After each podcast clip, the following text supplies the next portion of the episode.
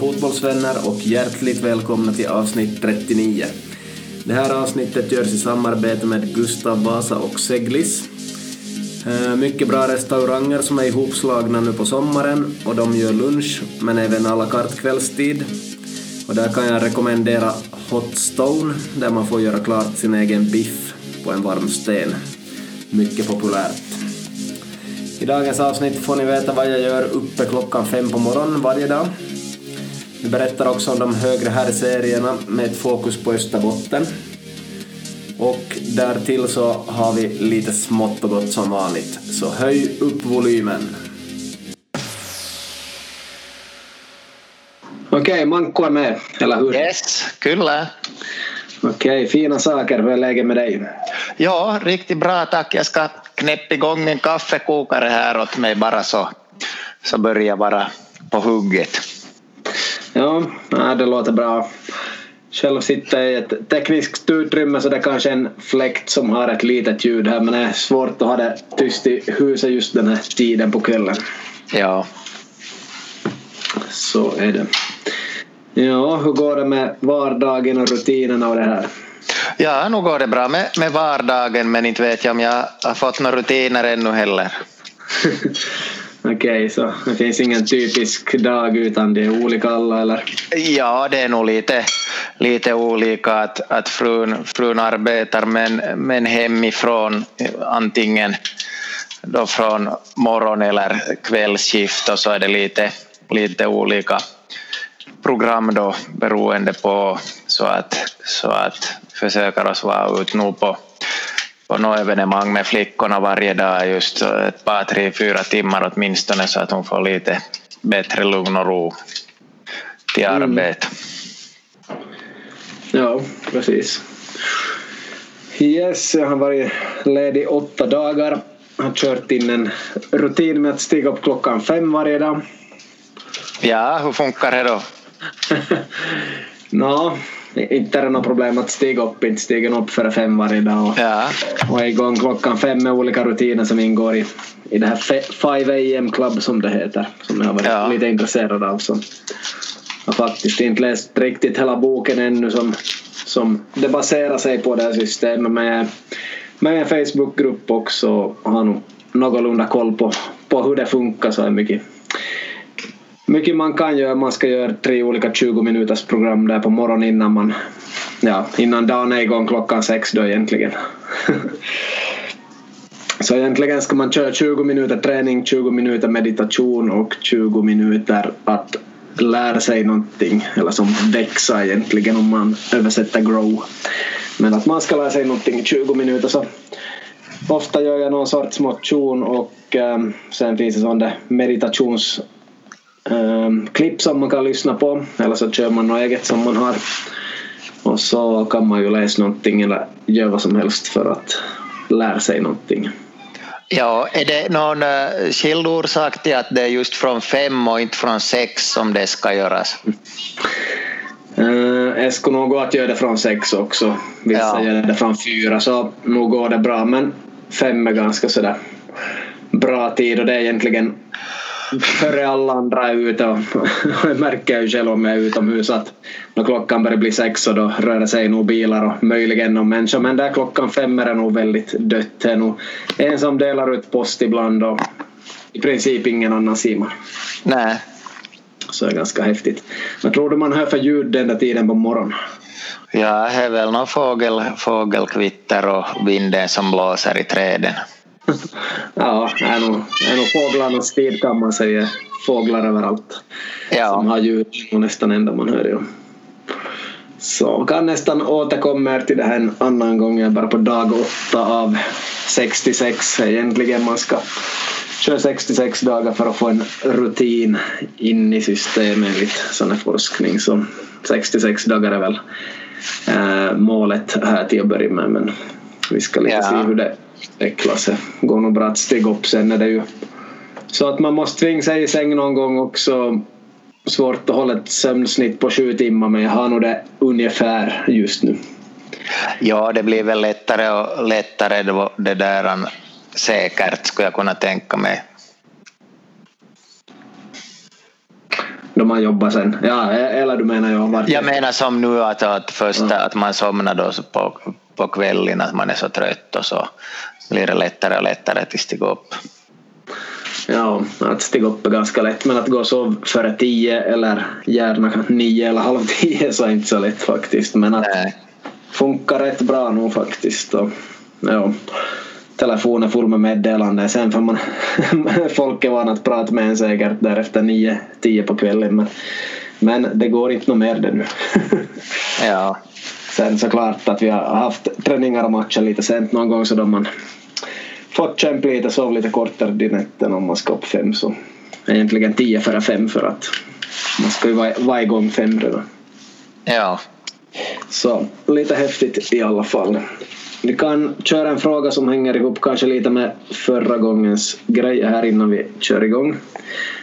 Eller innan vi går vidare. Vi ska ju satsa lite på division 2 1 och ligan idag tänkte vi.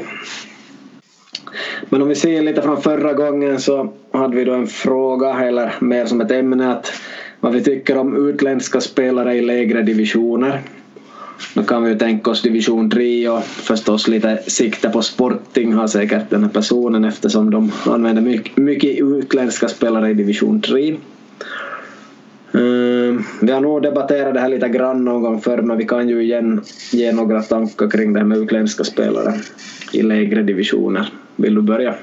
Ja, nu kan jag det. Jag tycker att, eh, jag minns ju inte vad jag har sagt tidigare när vi har diskuterat det här så att jag hoppas att det stämmer, stämmer överens med det och i annat fall så, så har jag då tydligen ändrat åsikt men att eh, så där spontant så, så tycker jag att man man måste gå nästan från, från fall till fall och kanske definiera då mer att är det sådana som endast spelar fotboll eh, eller är det sådana som har kommit då för att jobba och på sidan om spela fotboll eller tvärtom eller att man har kommit av någon familjeskäl eller sådär att, att det där att man, jag tycker att man kan inte säga sådär kategoriskt att i division 3 så max två äh, spelare från utlandet eftersom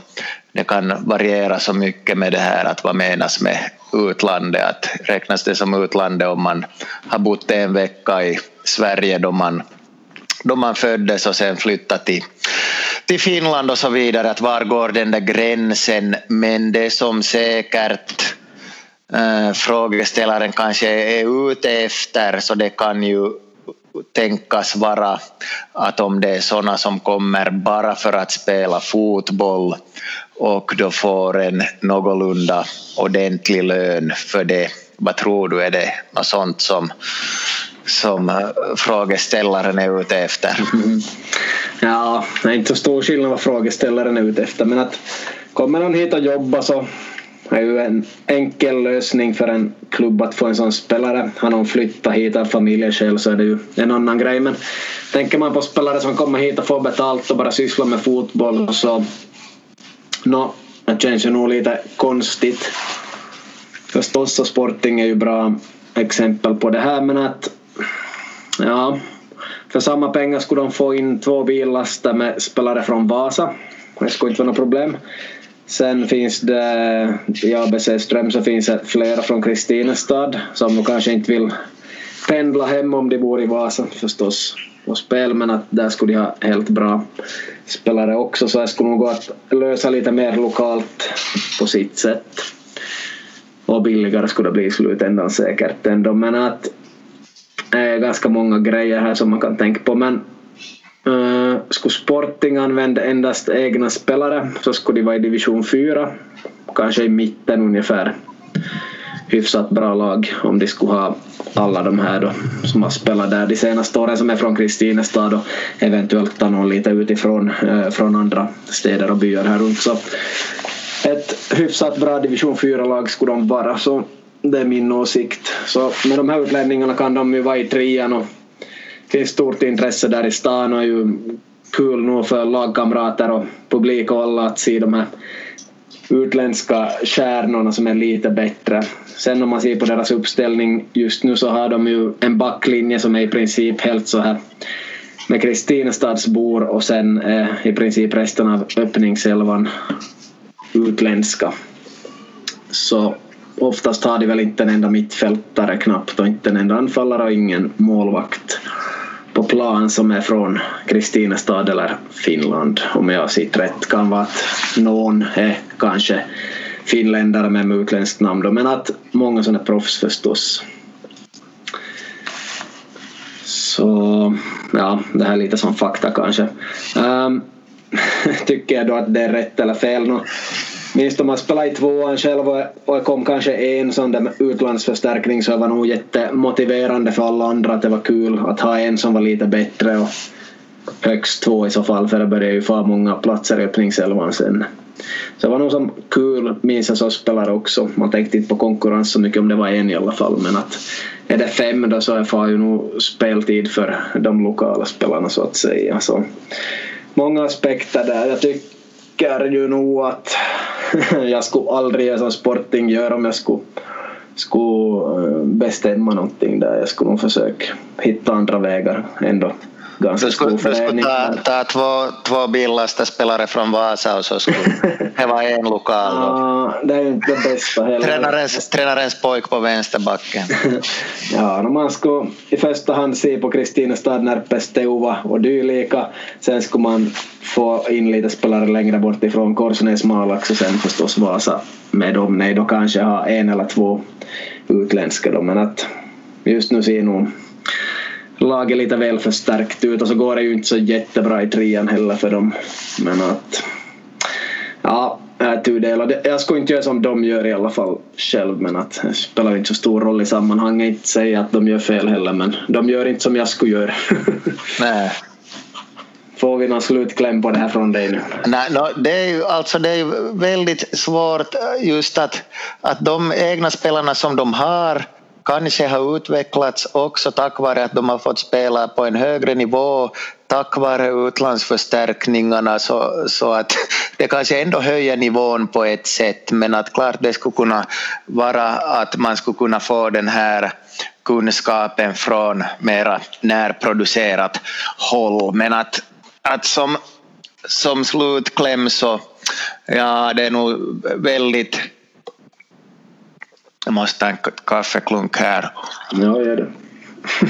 Väldigt svårt för mig att, att säga något, dels, dels kanske om utlandsförstärkningar i allmänhet och om Sporting i synnerhet. Att du får, får väl avsluta med det att, att, att du skulle inte göra som de gör men att inte det är någon som säger att det är helt fel ändå. Mm, nej. Vi fick väl in någon sorts fakta här och ser man lite på vad Närpes Kraft har gjort genom åren. De har ju ändå varit tvåan så det är en högre division men där tycker jag nog att man kan ta någon förstärkning men ändå inte fler än två skulle jag tycka heller på den nivån. Sen i ettan blir det ju en helt annan grej. Där kan klubbar överdriva och ta jättemånga och sådär så där kan man nog kanske ta tre, fyra kan jag tänka mig i ettan och då det är ligan skulle jag säga kanske ja, högst fem i truppen. Ändå, så eh, kanske mer på högre nivå tycker jag kanske är acceptabelt sådär men att satsa på de egna i första hand och ja, kanske man inte ska vara på för, för hög nivå om man inte klarar det med lokala spelare heller. Att det, det känns lite dumt någonstans. Så, och äh, nåja, de, de flesta klubbar man själv jobbar med så betalar spelarna någonting för att vara med och här har de fem utlandsförstärkningar eller något. Så stora kontraster. Och ändå skulle man kunna vinna dem och ha vunnit dem vissa dagar på året så är ju som någon som har helt andra summor. 20 000 euro mer i budget och sånt så kan man ändå vinna med ett lag med spelare som betalar så det är ju det är ju kontraster. Ja, ja. Sådär. Mm, det vet jag. Är vi färdiga med den frågan? Ja, jag tror att, att det där vi får, får anledning att, att återkomma till det men att, att jag tror nog att, att, att man, man svårt att pricka, ge sådana nummer per division och så vidare. Att det finns ju på olika håll en massa med homegrown och allt möjligt också i, ute i Europa, så hur många som ska vara i truppen. Och, och så att väldigt, väldigt individuellt från fall till fall. Att det, men att det är väl nog ändå kanske någon form av en sån där filosofisk fråga just, just det att om man ser klubbar som år efter år gör så just där i äh, AC Kajana och äh, vad de heter dit norrut och Rops tidigare så var det nog väldigt många utlandsförstärkningar som, som lira och, och just publikintresse då att, att var, vem går för att se ett lag som spelar högre upp i seriesystemet och vem går och se på, om man ser nu på, på de här lägre division 3 till exempel så är det nog ett par par 300 åskådare per match. Det där kan det vara i, i många matcher just eftersom det är så mycket lokala som, som också lockar, lockar åskådare. Att, att det de fundera där. Att inte skulle jag se Kajana vara i, i, ha varit etta med egna spelare. Nej, aldrig i livet. ja, yes. Um, kort från fyran ännu här, som vi också diskuterade senast. Så för Korsholms del har det ju blivit en seger och två förluster. Folk tränar dåligt. Vårt lag kommer inte att stiga så där blev ju den grejen avslöjad att det var mer en dröm och inte ett mål.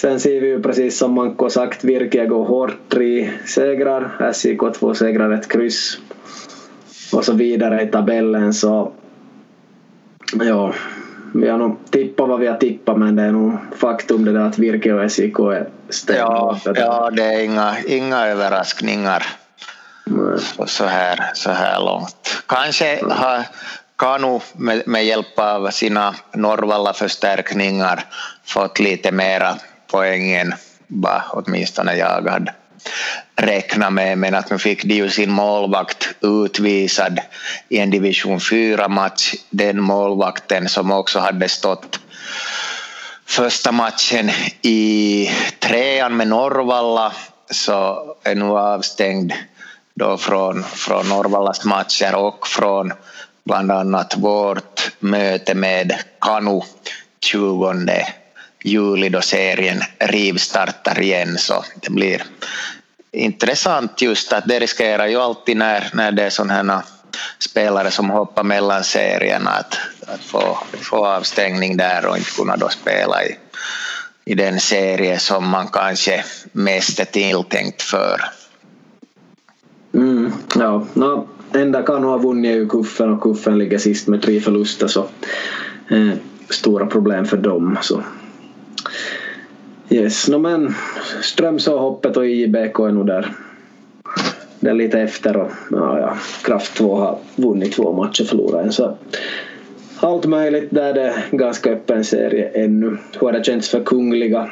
Förutom att ni förlorar Virke här. Ja, nu, kanske... nu kändes det bra, bra just Kraft 2 var tuff match och, och Ponnistus också fick vi fyra sena mål gjorda och, och nu kort om den här virke matchen så de, de var nog snäppet vassare än till och med jag hade trott och att det är klart det att, att det är en bra dag så vinner vi den men att, att när inte vi är riktigt på topp så, så då det där så sprang de nog över oss det där så att bara att, att jobba vidare.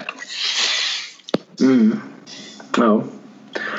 Eh, uh, kort inblick i fyran här.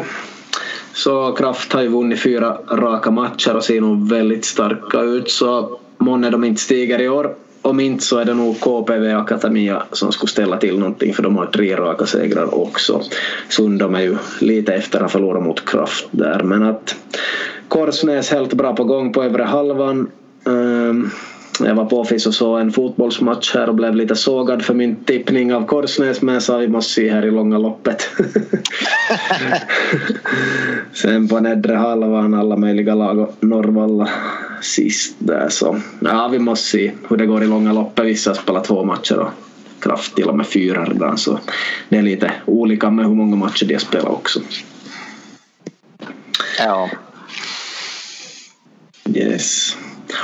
Eh, den matchen var så på Office vannas VPS Ekenäs men vi kommer ju snart till finska ligan här så vi hoppar över dit då. Yes, har du någon kommentar om trean ännu? Nej, nej det är nog, nog ganska som, som förväntat. Det som, som jag inte hade, hade räknat med just så det var ju att, att de kan få, har ju haft en del förstärkningar VPS Akademia nu i de här första, första matcherna som ju var starkt inblandade bland annat i att de vann mot VPV då här för, för en vecka sedan. Så att, att det kan bli överraskningar där men kanske lite mindre när äh, de kommer igång de här äh, kanadensaren och engelsmannen så det var min fru som dansade med några dockor här så jag skrattar inte åt de här utlandsförstärkningarna. Uh, ja, så att man får, får se helt enkelt hur, hur, det, hur det går, går där. Att det var väl ganska hård match mot Kraft förstod jag också här i måndags. Ja, för VPS del kan man ju säga att de har kämpat sig till en seger mot VPV som är ganska lågrankade och så har de två förluster därtill. Så det berättar kanske en del om de här VPS-avbytare att det går inte att komma ner till trean och leka och vissa av dem har nog problem fast de har ett division 1-kontrakt och, och är inblandade i vissa mål där som, som ser till att de inte plockar poäng i trean. Så ja inte har VPS hur bred trupp som helst och de gjorde väl gjorde de kanske ett byte mot Ekenäs bara. Det var väl så jag tror jag. Det blev väl ett byte där till slut. Ja. Så de byter inte så mycket. Har väl inte hur mycket spelare som helst heller för de här två lagen förstår jag. Och sen när den är till B-juniorer som man måste plocka från så det är inte så lätt heller att plocka dem till trean. Så ja, intressant där med VPS. Ja. Men om vi hoppar till division 2 så hoppas jag du har någorlunda koll på serien. ja, nog mera åtminstone på den här lokala än på, på de här övriga. Vi ska se om jag skulle få, få fram här någon, någon tabell. Vi ska se. Ja, säg till då du har hittat. kan vi berätta någonting om Vasa IFK under tiden. Um, de har en liten stomme med spelare som har varit där länge. Flera som ska vara där. Merhavi och hans bror Hanne. Han, Hanne har nog inte varit med så jättelänge men Markus Nordman, Jonas Pitkäkangas, Viktor Wilför. De här har ju varit länge i Vasa IFK, vissa har varit länge i herrlaget och vissa har varit länge i juniorerna. Sen kanske jag glömmer någon nu, men i alla fall där finns som en stomme av ganska många Vasa IFK-spelare som säkert publiken kommer att se på. Sen finns det några duktiga andra spelare som nog kanske inte har varit så mycket i IFK för. Och sen finns det en hel hop med spelare som nog knappast publiken vet någonting om och som man nog flera av dem kan fundera vad de gör där men att det har ju också att göra med ekonomin i en sån här klubb och allt möjligt. Så IFK är inte riktigt vad det en gång var då du var med också. Ni steg till ettan och sånt. Det är nog som dag och natt skillnad på kvaliteten och organisationen skulle jag säga just nu. det är ju ingen hemlighet att ekonomin inte var den en gång har varit heller där. Så finns nog att förbättra om man vill se, se framåt och lägga något femårsmål för deras del skulle jag säga. de har ju hängt med i matcherna men inte riktigt fått till några poäng här.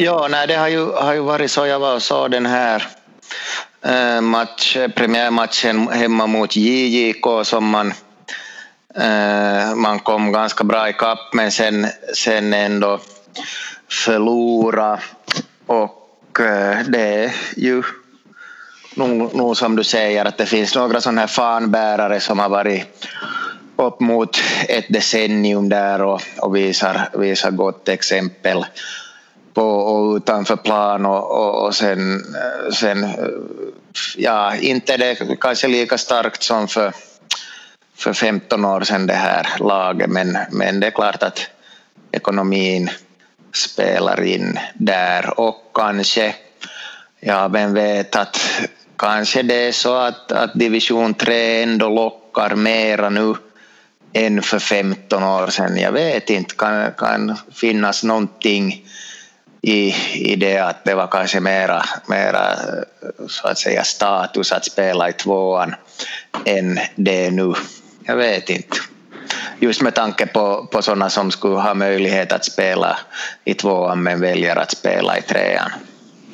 Ja, där har du nog en bra poäng också. Ser man tillbaks då 15 år eller någonting så då fanns det ju många lokala klubbar. Det var Kista, Korsholm, VIFK, sen var Kraft ibland med i tvåan och, och ibland någon J- annan. JBK, KPV, JBK, KPV, GBK.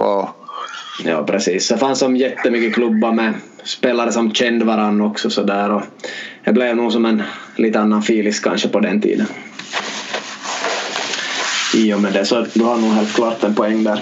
Kan du dra någonting om tvåan? Jag har nästan noll koll på, på övriga lag och tabellen och sådär. Ja, ja no, om vi ser här i, i toppen så är det, det, det, det där fem lag på sju poäng.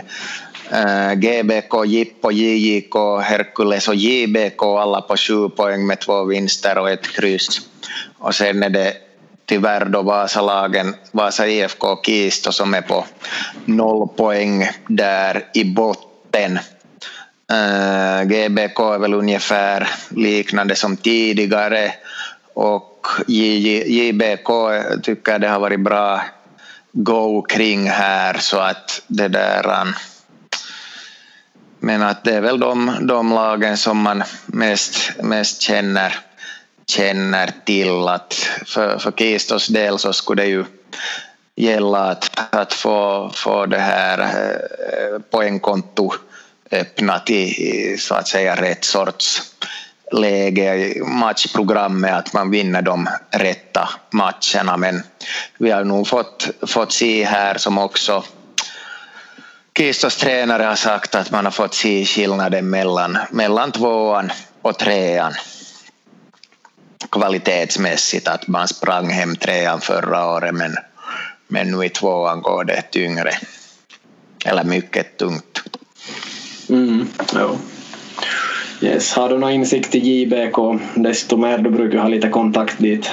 Ja, no, det, det är väl nog de här, de börjar väl vara födda säkert mot 98 och 2000 och början på 2001-talet nu de här spelarna som är där men att det är väl de här just det här vanliga att det är överåriga B-juniorer som har gjort bra i, i det där eh, BFM-serien som, som det där tar klivet dit i JBK och sen, sen då också några några sådana, sådana spelare som har fått kontrakt med, med Jaro och det där han då får mest speltid kanske här i, i tvåan.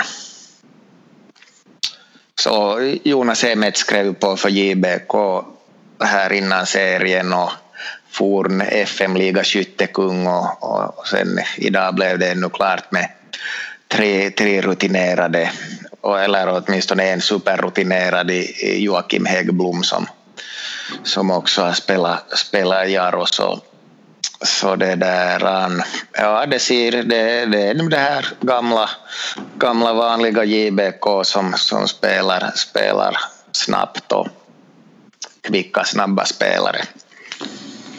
Mm. Ja, det är ju kul att det går bra för dem och de har 20 poäng. Sen är det knappast någon målsättning att stiga för kan ju inte finnas två division 1-lag där. Fast Jaro skulle gå upp så kan man kanske inte ha ett lag i ligan och ettan i Jakobstad det kan bli lite väl. Ja. Så, men att nåja, inte kan Jaro stiga heller. Det finns inte ekonomi vad jag hört så det är i princip omöjligt. Ja, någonting mer om tvåan. Jag har inte nämligen någonting där. Nej, nej, det är nog bra, bra sådär. Yes, ettan då kan vi se att Oulu leder. Det har bara spelats två matcher av dem och de har vunnit båda. Eh, sen har vi massor med lag därefter. Jaro har vunnit en, kryssa en. Det har Ekenäs också gjort.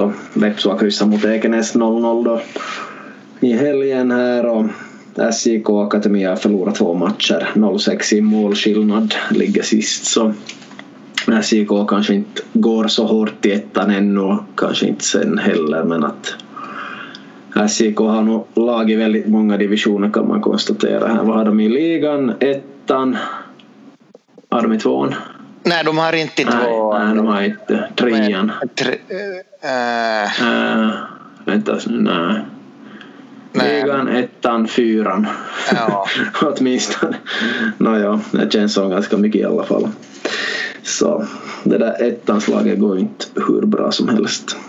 Ett tre lag under strecket, Musa Gnistan och SIK där men eh, Ja, det har spelats så lite matcher som man vet men KPV har en seger och ett kryss i alla fall också. Det har Kajani också och KTP.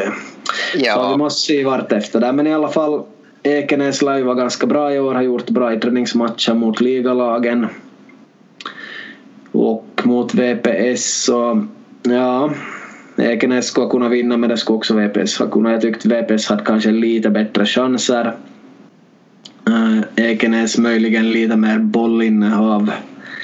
Möjligen lite mer spel men det, det är svårt att säga säga från den här matchen för det var nog ganska chansfattigt och en hel del misstag. Och bollen var ute i inkast ganska mycket och, och så där på det där konstgräset. Och det var regnigt där och kanske blåsigt jag vet inte. Men att inte gav det nog en alltför bra bild av något av lagen. Men det, det är ju säkert topplag i ettan i alla fall.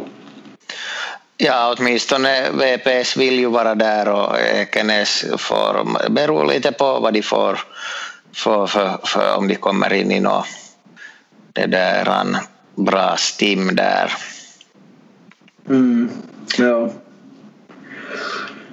Yes, men att jag tyckte nog Kristiansund hade fått in den här farten i alla fall som man pratade om och ganska bra press överlag och sådär. Uh, många tyckte att Atu Laatikainen var jättebra på VPS mittfält annars så jo, han är väldigt bra och helt klart en förstärkning. Har ju kommit från nästan ingen träning alls direkt in i öppningselvan känns det som där i Vepsu och äh, skulle jag se pass hans passningar så slår han nästan alla passningar bakåt. Och det kan ju både ha att göra med taktik att hålla bollen lite inom laget och sådär men att också att det kanske inte finns någon spel framåt åt eller att han inte kan hamna i en position där han kan spela framåt eller no, men i alla fall gick hans passningar bakåt i denna matchen. Ja, det har de ju nog gjort det där tidigare också men att, att precis som du sa att, att man måste kanske se lite mera, mera på, på det där att spela han också bakåt om det fanns möjlighet att, att ställa om snabbt och så vidare att, att bara på, på någon procent bakåt eller framåt så, så kanske man inte borde dra allt för långtgående slutsatser gällande hans spel. Nej, no, skulle jag coacha dem skulle jag nog fundera varför han kanske har sju bakåtpassningar och knappt en enda framåt i en sån där match också. Så är nog, är nog någonting där. Vissa spelar nog framåt en hel del och med varierat resultat.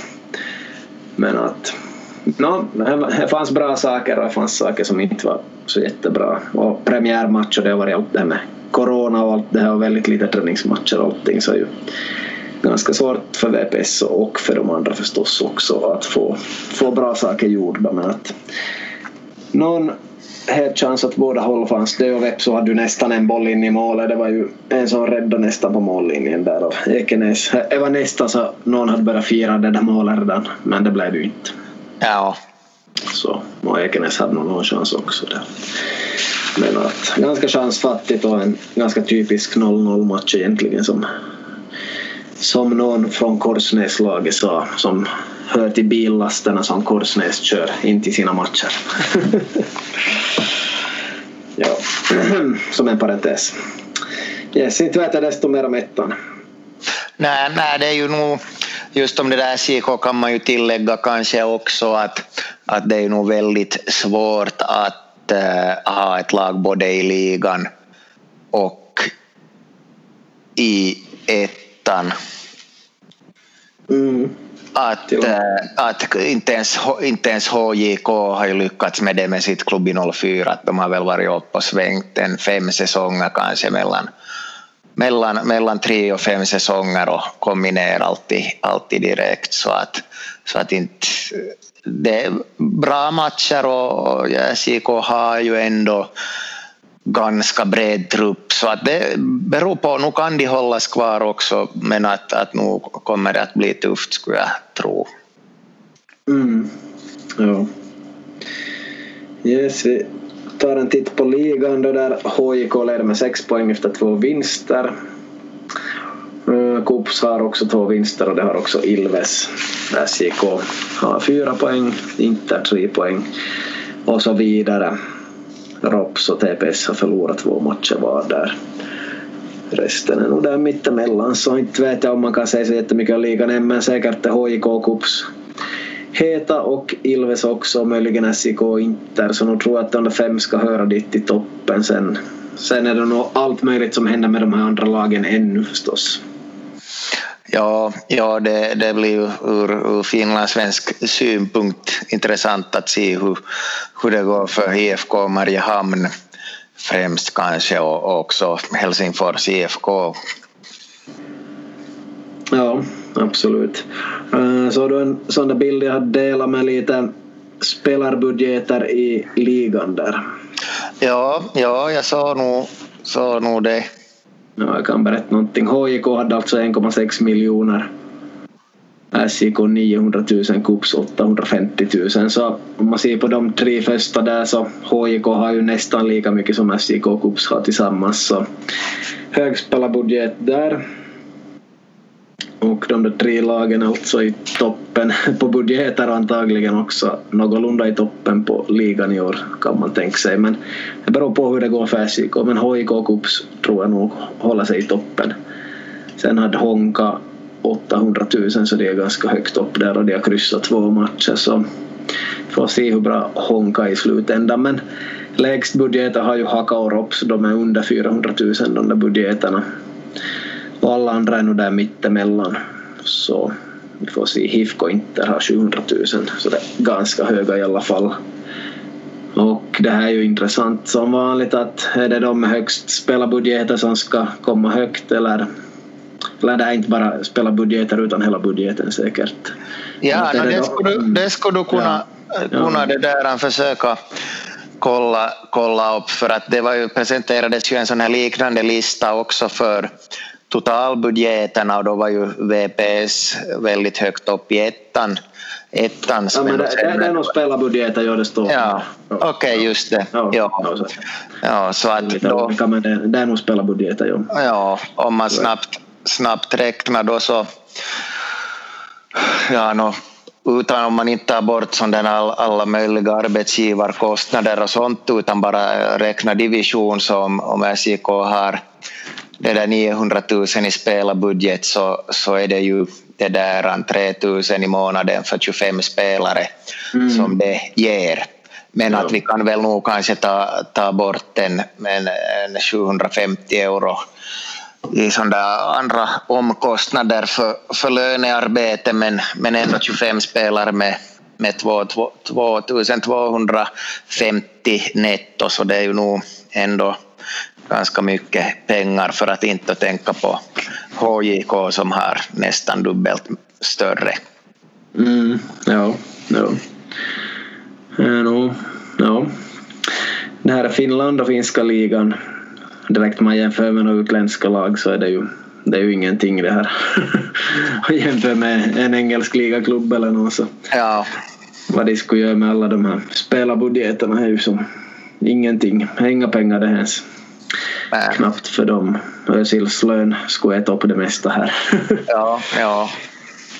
För att inte tala om den där basketspelaren, nej NFL spelaren som jag eh, uppdaterade någonting om igår som hade helt sjuk lön. Hade han 3,5 miljoner euro i månaden. En NFL Ja, ja, det kan, kan, kan hända. Jag har har så mycket med tillfälle med fotis så jag ja. inte engagerar mig i någon hockey eller NFL eller basket. Det var bara en uppdatering, jag skojar lite. Men, men det var någon som fick högsta lönen för idrottare någonsin. Så jag tror han hade 3,5 miljoner i månaden dollar. Så det äter upp det mesta av de här pengarna bara på en månadslön på en NFL-spelare så är nog finska ligan är inte det största i världen. Nej, nej. yes, men här är det passligt och stort och, och de där pengarna är helt okej okay för många spelare ändå. Hockeyn har ju högre löner kan man nämna. Men att det är ju ingen paus nu i finska ligan utan det är matcher idag och det är matcher på lördag och söndag och så vidare. Här så, så ingen paus som det är i lägre divisionerna just nu. Ja, när jag kollade upp det faktiskt att, att för den inbitne softpotatis-sportsittaren så var det 17 dagar i rad som man kan se på europeisk toppfotboll på kvällarna. Så, ja, ja, ja. så det är ganska bra det. Mm, Ingen paus, paus där ännu i sikte heller. Ja, nej, det finns nog, finns nog matcher. I Finland är match varenda dag hela tiden. Nästan. Nej, nej, nej, nej inte riktigt. Men det är nog mycket matcher i alla fall. Ingen paus på det viset just nu. Så inte vet jag om vi behöver säga desto mer om finska ligan. Den har kommit igång. Det är ju det. Ja. Yes. Uh, vi behöver inte nämna allt i europeisk fotboll eller något. Vi kan dra några korta grejer bara. Och det kanske att jag har inte orkat se en enda Premier League-match för tillfället nästan. Sitt nog lite på någon men det känns som att se på Premier League i juli det är inte, det är inte riktigt den här grejen man är van med. Eh, försöker se på finländsk fotboll i juli och det känns lite sådär. De har inga inga folk på läktarna och lagen var ganska dåligt förberedda på något vis då, då de kom igång med Premier League igen här men nu kanske det börjar ta sig lite för vissa lag och börjar se någorlunda vettigt ut men så har det ju också var det fem byten per match och sådär så det känns som inte att det är riktigt på riktigt det där Premier League. Eller hur känns det för dig?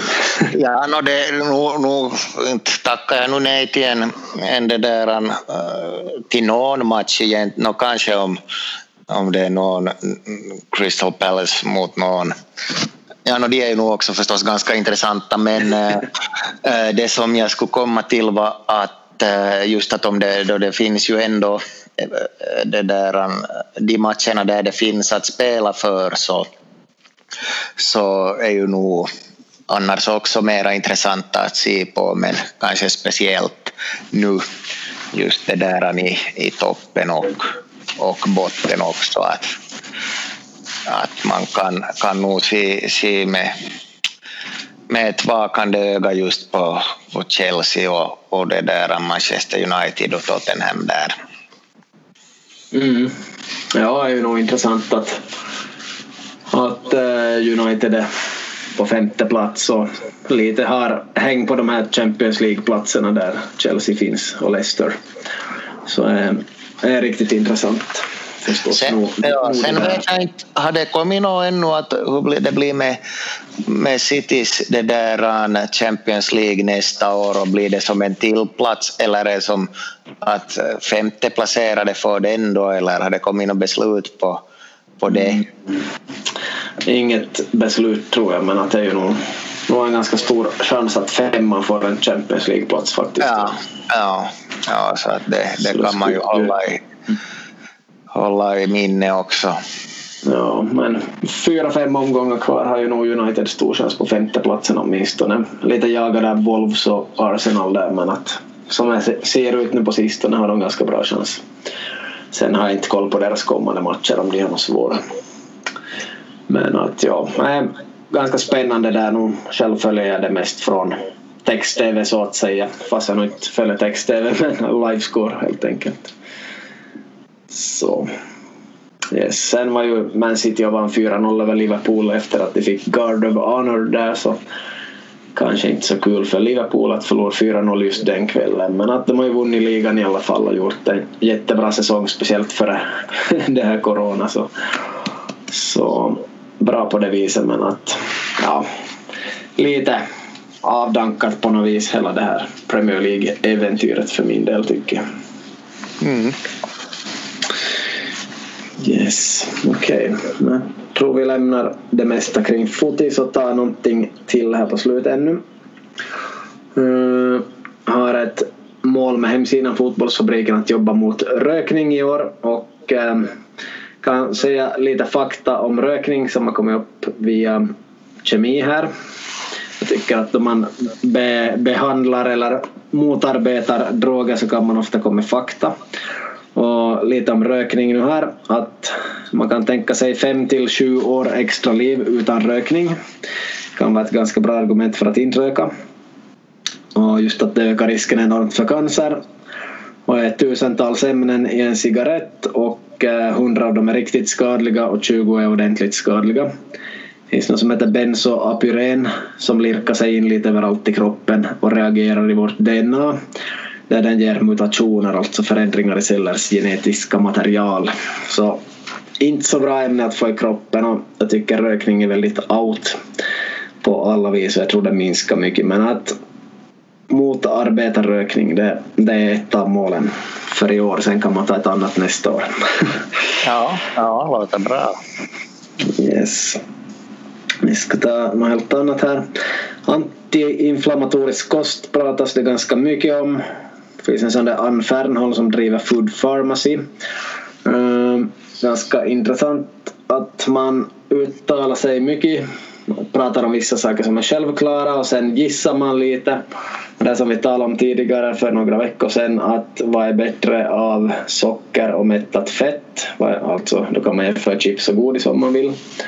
Så vi kom ju kanske inte riktigt fram till något, det finns inget rätt svar på det. Ehm, det här Food Pharmacy höll ju mycket på att det är bättre med mättat fett och de hatar socker nästan sådär. Kan emellanåt citera någon som har kallat det för för kokain. hatar socker så att säga. Nå, nu har det då kommit en undersökning där de har testat massa människor på olika sätt och kommit fram till att mättat fett är sämre än socker i den undersökningen så är det nog ganska svårt att säga att socker skulle vara sämre än mättat fett då. då. Det finns såklart många undersökningar genom åren men nu har det kommit en till som visar att mättat fett är sämre än socker så ja, det är nog svårt att förstå hur de kan uttala sig och vara experter vissa människor. Um, lite ännu här. En norsk undersökning om det här med att gå på gym efter covid-19 och hur det har sett ut. Man fick ansöka till att vara med att gå på gym och svara på frågor, göra tester och sånt och man skulle se vad som kan orsaka smitta och sånt. Så 3600 sökte till det här, 1800 fick delta. Och det man kom fram till i Norge som inte är så jättehårt drabbat, inte som Sverige i alla fall, inte nära på, så var att det viktiga är att ja, man kan säga som helhet att det var inte farligt att gå på gym. Det var, det var helt okej. Okay. Ingen stor risk att smittas alls överhuvudtaget. Det värsta var om man är på en ledd timme där någon ropar högt. För om någon ropar högt så kan det som komma ut mycket smitta så att säga eller smitta lättare. Och det andra var om man har träningspartners som håller i stänger och säkrar och allt sånt. Så man ska ju som nog träna ganska mycket ensam och med avstånd och sånt. Så det var i, princip de grejerna. Så, så på det viset kan man tänka sig att det är inte så farligt att gå på gym, åtminstone i Norge och då tror jag inte det är i Finland heller. Så, så vi har ganska många som vill gå på gym nu och det håller på att öka nu. Jag fick en statistik från Vasa Sports Club idag. Diskuterade lite med dem. Det var ute på något ärende så det minskade jättemycket deltagare. Men nu har det ökat upp tillbaks. Inte fullt men att kan bli nästan full kapacitet då alla börjar studera i september eller senast i oktober, november säkert igen om det inte kommer en andra våg. Så ja, var och en måste ju själv bestämma om de ska gå på gymmen. Att det behöver inte vara så jättefarligt bara man tänker på de här reglerna. Så om man inte äh, har någon i familjen som hör till riskgrupp så kanske, kanske det kan vara helt okej okay, men man måste ju avgöra själv. Jag känner jättemånga som har gått hela tiden och som fortsätter att gå nu och själv får jag se lite hur jag gör i augusti. Och får se helt enkelt, tänker inte kommentera det just nu men ja. Så det var lite uppdatering om gym. Har du några tankar kring gym? Nej, nej inte, inte egentligen.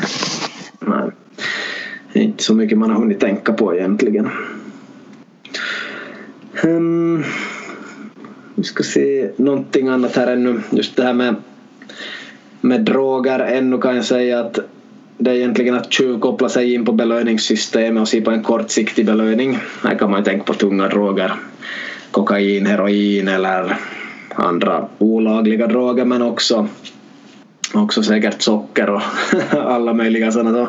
man kan tänka att man egentligen kopplar in sig på en kortsiktig belöning och tjuvkopplar in sig på belöningssystemet så, så att man vet vad man gör och vill man göra det då med de här lagliga grejerna så okej okay, men olagliga är ju inte så bra i längden det är alltid någonstans som det går fel. Och där kan man ännu säga om rökning att det är ju väldigt liten effekt på kroppen att man skulle få någon kick av det eller, eller något sånt och väldigt mycket skador så där kommer vi emot rökning lite till igen. Och då vi är igång kan jag säga om alkohol ännu att allas hjärnor är olika och därför kommer alla att reagera olika på alkohol och det stänger ju ner system i hjärnan som är där för att lugna ner hjärnan så man blir lite annorlunda. Och alla får en viss effekt enligt sin hjärna. Vissa blir aggressiva och vill slåss och andra, eller nästan alla, blir trötta i något skede. Så det, det är lite på det viset med alkohol. Um, vi ska se ännu om jag hade någonting jag hade skrivit ner här. Mm. No just det med telefoner att det är också en sån här lätt belöning. Ja, det var det jag tänkte, tänkte kommentera att just ja just när det kommer till sån här missbrukarproblematik. Mm, ja, att det är som telefonerna mättar systemet lite som någonting, man har någonting att göra men det är lätta belöningar och man får den där dopaminkicken där direkt och så där. Men att egentligen är det bäst att ha tråkigt och njut av någonting som är långsiktigt. Till exempel vissa skriver böcker eller något och då, då de sen har boken klar så är de ganska glada och belönade men egentligen har hela den där resan varit en belöning. Så kanske att göra någonting långsiktigt som man håller på med länge och sen blir det till någonting som man har varit kreativ. Så det är en, ett ganska bra sätt att belöna sig själv. Yes, så just det här med att vara kreativ och, och ha en väg någonstans så det kan vara, det kan vara desto bättre. Um, ja, jag minns inte vad, allt jag uppdaterar på Fotbollsfabriken uh, via Instagrammen jag hade ju en grej där som var rätt vettig igår. Jag ska se om jag ska råka hitta den. Ja. Men det handlar typ om det där att är man mycket på telefon eller så, sånt så man, man har ju någonting att göra men man, man man gör någonting men egentligen kommer man ju ingenstans med det som bara bara någonting man har att göra. Ungefär som att sitta i en gungstol. Man, man har något att göra men man kommer ingenstans. Så man kanske kan göra någonting annat istället som blir till någonting eller att man utvecklas eller kommer någonstans. Så, så just det där med att läsa en bok eller skapa någonting kan vara desto bättre. Och ähm, ja no, det finns allt, allt möjligt här. Kan ändå säga att en förälskelse kan ta ett till två år och då fungerar ju inte hjärnan no, no, normalt och man ser inga, inga brister hos den personen som man är förälskad i så är det ju ganska, ganska intressant och vissa missbrukar ju också det här och för, försöka förälska sig i så många personer som möjligt en efter en hela tiden och hålla på och missbruka förälskelse till och med. Så det finns nog alla möjliga system. Yes, och sista grejen idag. Vissa funderar mycket på det här med ålder, hur gamla kan vi bli? Det är mycket det här med att våra celler ska dela sig och de kan inte göra det hur många gånger som helst så då skulle man behöva en benmärgstransplantation till slut. För att få det där och det blir ju inte riktigt bra så i snitt ska man nog inte bli någon äldre än 105 år på sikt heller. Sen finns det jättemånga tvåsidiga grejer att om man bara äter sig 85 procent mätt så har vi mindre celldelning och då kan vi leva längre men, men om vi tränar så måste vi äta mer och då ja, det skulle vi behöva göra för att leva längre också. Men äter vi jättemycket mer då så motverkar vi den där saken så saker går mot varandra. Så det där med att vi skulle bli jättemycket äldre så det finns egentligen inte för tillfället. Och äh, sen funderar vissa om man kan få hjärnan på ett chip. Nu kommer vi ännu längre bort här. Och då är det så att en hjärna motsvarar en fjärdedel av internet eller möjligen halva internet nu för tiden. Och hur man då skulle få ut den informationen och kunna sätta den på ett chip och komma vidare så är ganska långt bort eller inte händer under vår livstid vem som än lyssnar på det här så ja, där har ni lite funderingar om hjärnan inför framtiden också. Mm. yes. Har du Manko något du funderar på kring allt här med yrbollen Sigfrids? Nej, det är nog bra alltid med ett sånt här slutsegment med den nyaste forskningen. Ja, allt möjligt, allt möjligt på gång. Här är ju mycket från podcasts och böcker man läser och, och så vidare. Så alltid något att flumma lite om. Men vi ska börja avsluta dagens podcast och vi återkommer säkert med minst ett avsnitt till här i juli, eller hur? Klart det, klart det. Ja, vi ska också kolla snabbt här på Podbean hur det ser ut, hur många som har lyssnat på vårt förra avsnitt, det här lokal fotboll som vi hade. Jag tror det var ganska populärt där direkt. Visst var det så. Det var avsnitt 37 och vi hade 89 direkt nästan som hade lyssnat där och det har inte stigit desto mer. Det är på 89 nu, det var kanske 60 eller 80 där efter två dagar så ett populärt avsnitt blev det ju. Så lokal fotboll är ganska populär. Sen avsnitt 38 kan jag rekommendera åt alla. Det med Freja Lähteenmäki, väldigt intressant damspelare och det blev kanske ett av de bästa avsnitt som någonsin har gjorts tycker jag med mycket bra diskussioner. Har du Manko hunnit höra på avsnitt 38? Det bryts, bryts lite här nu. Jag hör inte vad du säger. ja, du har ju sommarlov nu så du hinner kanske höra på avsnitt 38. Jag kan rekommendera det. Ja. Riktigt bra. Yes. Avsnitt 31 har över 100 som har lyssnat på så det var tydligen intressant också. Handlar mycket om godis och alkohol och maxpuls och allt möjligt sånt. Så lyssna gärna tillbaks här nu på sommaren och vi försöker att inte producera allt för snabbt för det finns så mycket utbud av allt möjligt så man kan inte höra på allt och det vet man ju själv att man kanske har böcker och podcastavsnitt i kön som man inte riktigt har hunnit med ännu själv. Känner du igen dig? Ja, ja. yes. Okej, okay, har du någonting här på slutet du ännu vill tillägga? Uh, ja... Nej, det är nog, nog att ta vara på den här europeiska klubbfotbollssändningarna en tio tiden varje kväll. Mm. ja, nu har somnat du då redan. Ja, klockan är nio ju just här så det betyder att jag har åtta timmar till väckning. Så det, det så.